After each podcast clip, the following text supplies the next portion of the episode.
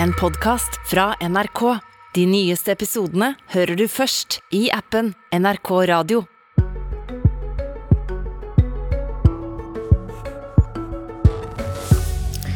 KrF ber Stortinget stoppe rusliberaliseringa som er på gang. Høyre advarer SV mot å dra opp oljepengebruken i budsjettforhandlingene, mener det vil råke de med dårligst råd. I går debatterte vi i Politisk kvarter om rusreformen er innført uten vedtak i Stortinget. I tre høyesterettsdommer blir det slått fast at rusavhengige kan ha doser til eget bruk uten å få straff. Riksadvokaten har sendt ut et skriv som sier politiet skal være tilbakeholdne med å straffeforfølge avhengige som har inntil fem gram heroin, kokain eller amfetamin. Domstol og påtalemakt mener det var Stortingets uttrykte vilje å ikke straffe rusavhengige da rusreformen var oppe i fjor, selv om det aldri kom et vedtak om lovendringer. Dette går ikke, mener KrF. Hva vil du skal skje, Kjell Ingolf Ropstad? Vi er veldig opptatt av at eh, narkotika og besittelse, bruk av narkotika, det skal være forbudt.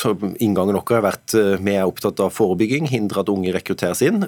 Men så er vi opptatt av at de tunge brukerne skal få hjelp. Og Den situasjonen vi er kommet i nå, mener vi er alvorlig. Og Derfor er det egentlig to utfordringer vi har til regjeringa. Den første er kjør på med behandlingsreformen, helsehjelpa. Eh, det var mye uavklart i Stortinget i fjor, men det var ingen som ønska en så sterk liberalisering uten behandling, hjelp, at det var på plass først. Og Det andre er at jeg mener du bør ha en juridisk avklaring, eller rettstilstanden bør avklares. Eh, fordi Det var ulike meninger i Stortinget, men det var klar motstand mot det, de høye brukerdosene som var antyda i Rusreformutvalget. Og Nå skal ikke jeg eh, spå hva andre mener, men, men, jeg tror det er mange som mener at fem gram var for høyt. Eh, vi, fra regjeringas side, og vi var en del av det, pressa jo det ned. og Derfor mener jeg at en både må se på hvilke grupper skal eventuelt ikke straffes, og hva skal en kunne bære i besittelse eller bruke, eh, uten at en skal bli straffa for det. Ja, Så du mener da egentlig at det Riksadvokaten nå i praksis sier er straffritt, det bør Stortinget slå fast faktisk fortsatt er straffbart? KrF sitt utgangspunkt er jo at rettstilstanden sånn den var før dette, var god. Politiet brukte skjønn. De eh, tok ikke eh, tunge rusmisbrukere, satte i fengsel. Der er jeg og Arbeiderpartiet helt enig. Det var ingen av oss som, som, så at Eller det sitter ingen av de i fengsel. Hvis det er tunge brukere i fengsel, så er det fordi de har f.eks. gjort et ran sammen eh, med kriminaliteten, de, eller at det er annen kriminalitet som er grunnen til at de, de, de sitter i fengsel. Så det som bør gjøres nå, er jo iallfall å hindre at det sklir ut. Eh, det må avgrenses hvem som ikke skal straffes. For vi mener at du bør straffes med helsehjelp. At det er det sporet der du skal øve i hvis du er en tung bruker.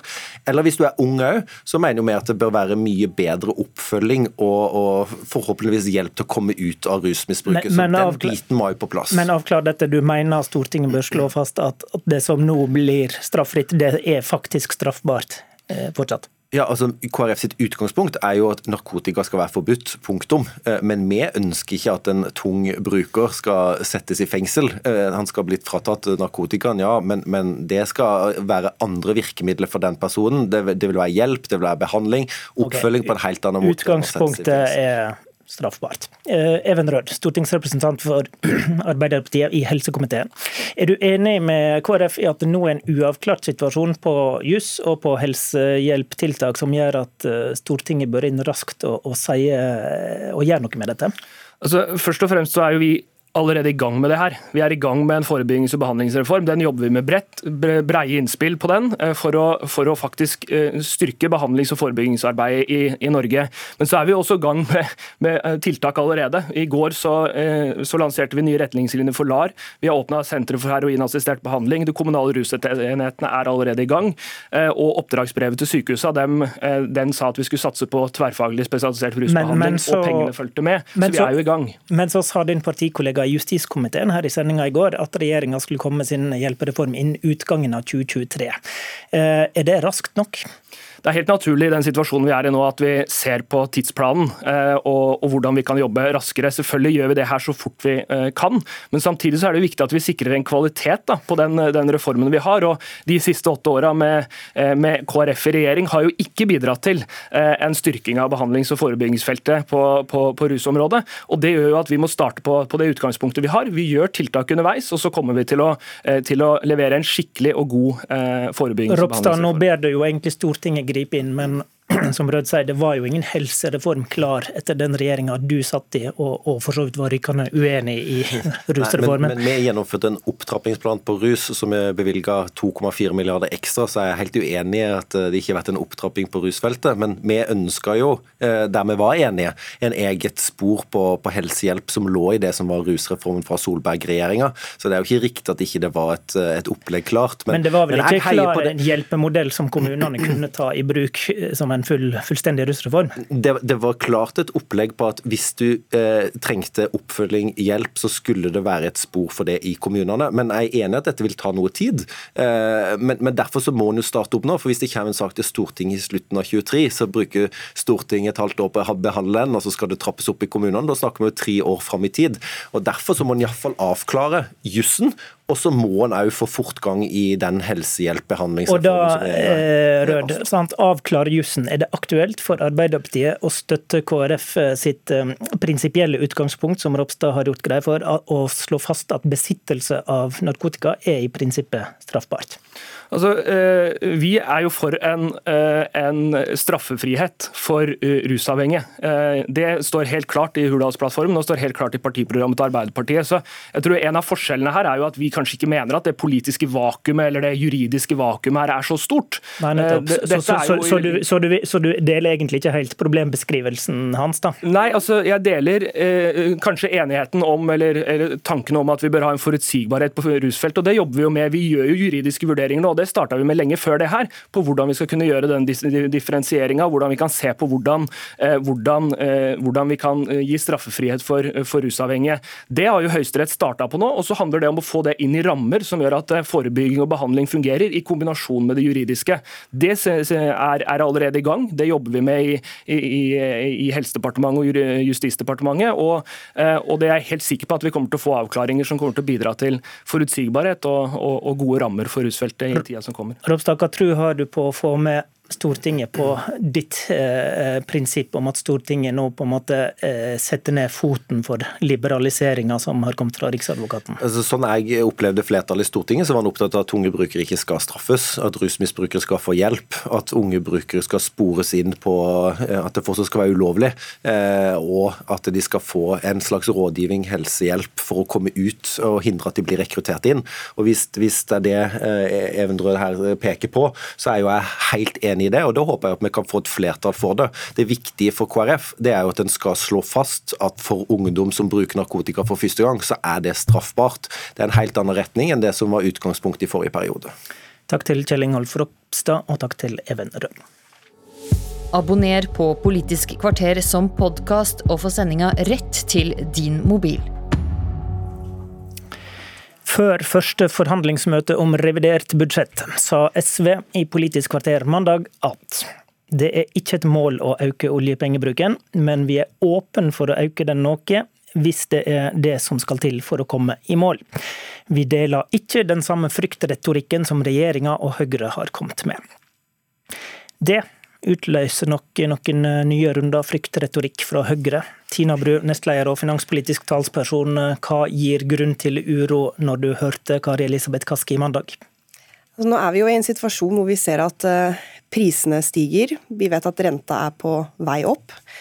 Og det viktigste vi politikere kan gjøre nå for å sørge for at det ikke blir enda verre enn det vi vet er på vei, er jo å begrense den offentlige pengebruken. Og akkurat nå så er veldig mange mennesker rundt omkring i hele landet ganske bekymra for sin private økonomi.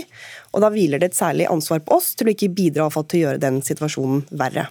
Og vi vet jo at det allerede var en del økonomer som var ute og advarte når vi så revidert nasjonalbudsjett fra regjeringen, som jo øker oljepengebruken med 30 milliarder, at det kan øke risikoen for at renta stiger mer enn det den ellers ville gjort. Og Nå hviler det jo et særlig ansvar på SV, som er den forhandlingspartneren regjeringspartiene skal sette seg ned sammen med for å lande et budsjett, til å vise moderasjon. Og jeg syns det er pussig da, i den situasjonen vi står i akkurat nå, å si at uh, det er ikke så farlig. Det går nok bra med litt mer oljepenger, og det ser jeg som et uh, kanskje et dårlig tegn da, på hvor disse forhandlingene kommer til å lede. Og du mener den holdninga i hvert fall kan råke de fattigste, om jeg forstår det rett? Ja, det er jo ingen tvil om at uh, de som har minst i samfunnet vårt, er også de som kjenner prisøkninger mest på kroppen. De som kanskje akkurat har klart å komme seg inn i boligmarkedet, de frykter jo rentestigning mer enn de som er godt etablert og som har små lån og, og sitter godt i det.